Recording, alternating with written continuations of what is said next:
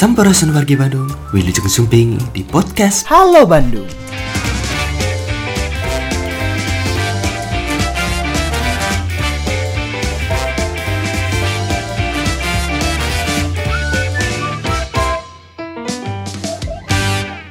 Akan membahas mengenai uh, pembelajaran tatap muka. Evaluasinya seperti apa? Karena sudah berjalan hampir dua bulan mungkin ya Pak ya? Hampir Ya, dua betul. bulan pembelajaran tatap muka ini digelar. Dan di samping saya sudah hadir pada siang hari ini yaitu adalah Pak Risman Al Isnaini. Beliau adalah kasih kelembagaan dan peserta didik SD dari Dinas Pendidikan Kota Bandung. Selamat siang Pak Risman. Ya Bu, selamat siang. Sehat Bapak? Alhamdulillah sehat. Alhamdulillah. Langsung saja nih Pak Risman, kita evaluasi ya dari pembelajaran tatap muka ini yang sudah kurang lebih digelar selama dua bulan. Betul. Eh, ini eh, berarti sudah berapa persen itu jumlah sekolah nanti saya ingin tanyakan. Tapi mungkin langsung saja saya ingin tanyakannya mengenai evaluasinya sejauh ini. Apakah pembelajaran tatap muka ini sudah mulai efektif begitu? Apakah sudah hampir semua sekolah menggelar PPTM ini atau masih sebagian sekolah saja yang melakukan PTM? Silakan Pak Risman. Yang pertama-tama mungkin evaluasi dari PTMT itu ini sudah berjalan dua bulan, alhamdulillah dan berjalan cukup efektif.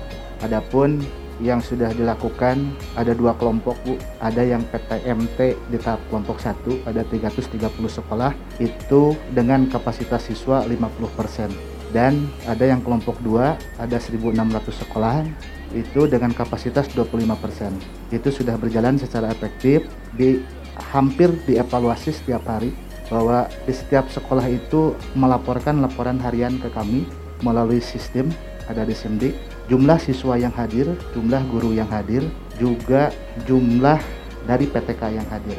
Itu di sana dilaporkan juga jika ada yang sakit dan lain sebagainya. Di akhir bulan kemarin, alhamdulillah kami juga sudah melakukan pengawasan melalui surveillance. Ada sekitar 10% sekolah yang diambil sampel swabnya dari jumlah sekolah yang melakukan PTMT. Dan itu sudah selesai dilakukan. Alhamdulillah hasilnya dari 8.000 sekian yang diambil sampel hanya di 3,2% yang dinyatakan positif terpapar COVID-19. Itu Dua pun persen, oke. Hanya Oh, 3,2 3,2 persen. dan itu pun semua OTG jadi tidak berkendala 3,2 persen ini apakah siswa atau guru atau staf sekolah atau bagaimana Pak? itu yang 3,2 persen itu ada siswa dan ada guru. Oh, ada siswa dan Betul. guru. Eh, berapa sekolah Pak sebetulnya yang akhirnya terdeteksi mereka ini eh, terpapar COVID walaupun OTG?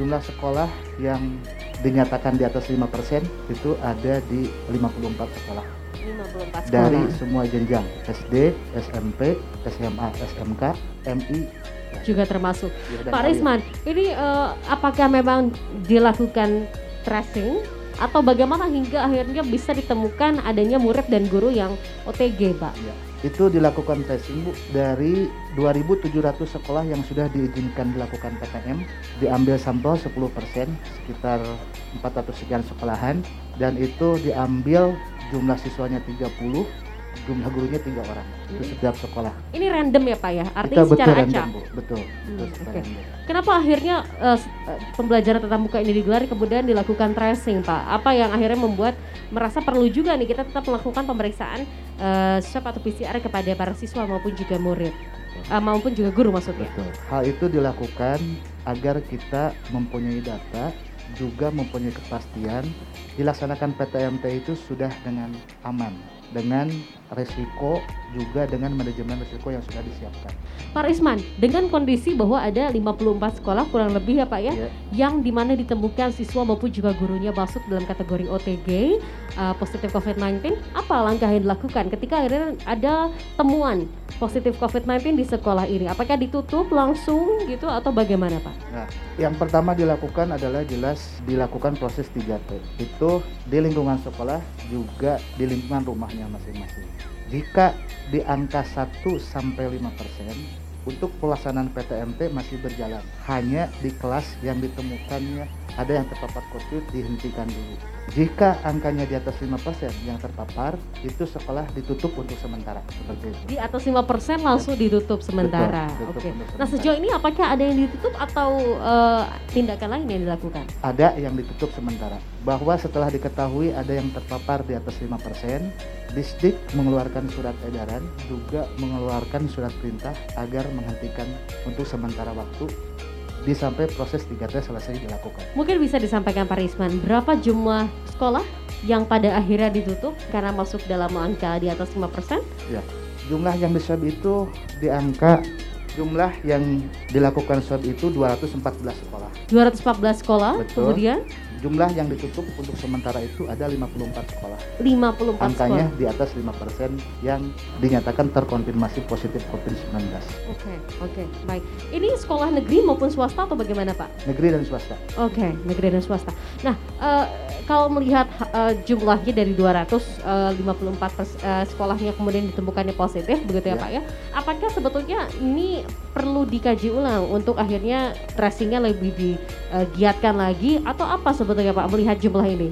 bahwa program tracing ini merupakan program pemerintah pusat di provinsi Jawa Barat hanya dua hanya dua daerah hanya kota Bogor juga kota Bandung yang dijadikan pilot project ini yang nantinya ke depan ini akan dilakukan setiap bulan Setiap bulan akan Betul. dilakukan.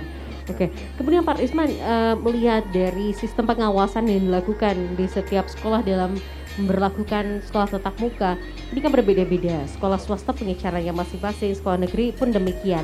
Tapi sebetulnya dari dinas pendidikan, apakah mengeluarkan juga aturan yang pakem ini harus dipatuhi sekolah ketika pembelajaran tatap muka digelar, mulai dari siswa eh, datang ke sekolah sampai pulang lagi begitu.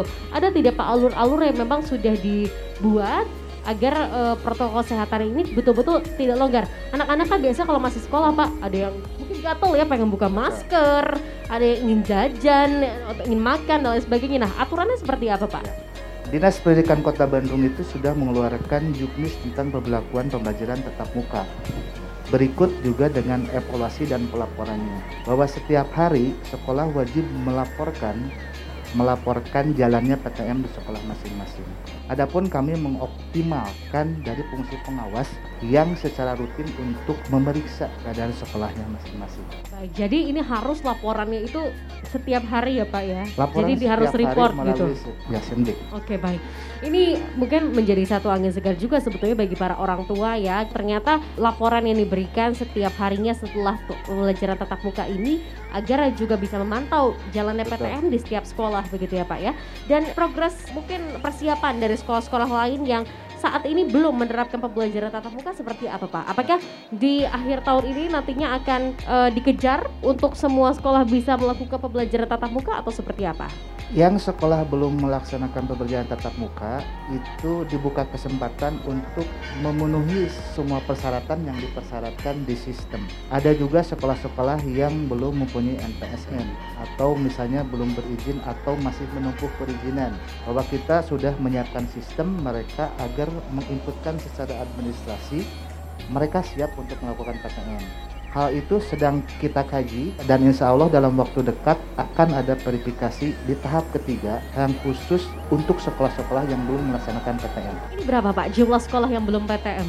Jumlah sekolah yang belum melaksanakan PTM untuk jenjang SD itu ada 48 sekolah. Untuk jenjang SMP juga ada sekitar segituan. Yang paling banyak itu adalah yang di Paudikmas.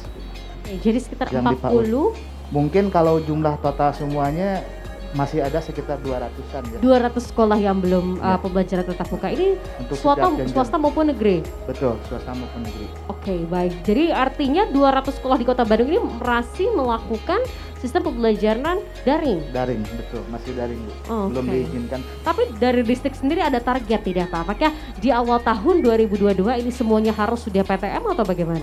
Itu tidak ada target, akan dikembalikan kepada hasil evaluasi yang berjalan sekarang. Apakah masih dimungkinkan dilaksanakan PTM? Jika misalnya hasil beberapa dari evaluasi dianggap masih terkendali, berarti akan dilakukan PTM. Oke. Jika misalnya hasilnya di luar kendali misalnya seperti itu, mungkin itu akan jadi bahan evaluasi. Baik, kemudian Pak Risman mungkin terakhir menutup perbincangan kita kali ini dari Pak Risman.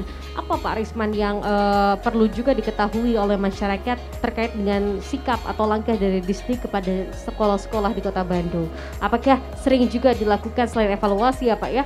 Apakah juga terus dilakukan pemantauan seperti uh, fasilitas yang dimiliki sekolah, kemudian juga pemeliharaan dari alat-alat yang menunjang selama prokes ini berjalan? Seperti apa Pak Risman? Ya. Dinas Pendidikan Kota Bandung jelas akan selalu melakukan pemantauan kepada sekolah-sekolah untuk penerapan protokol kesehatan.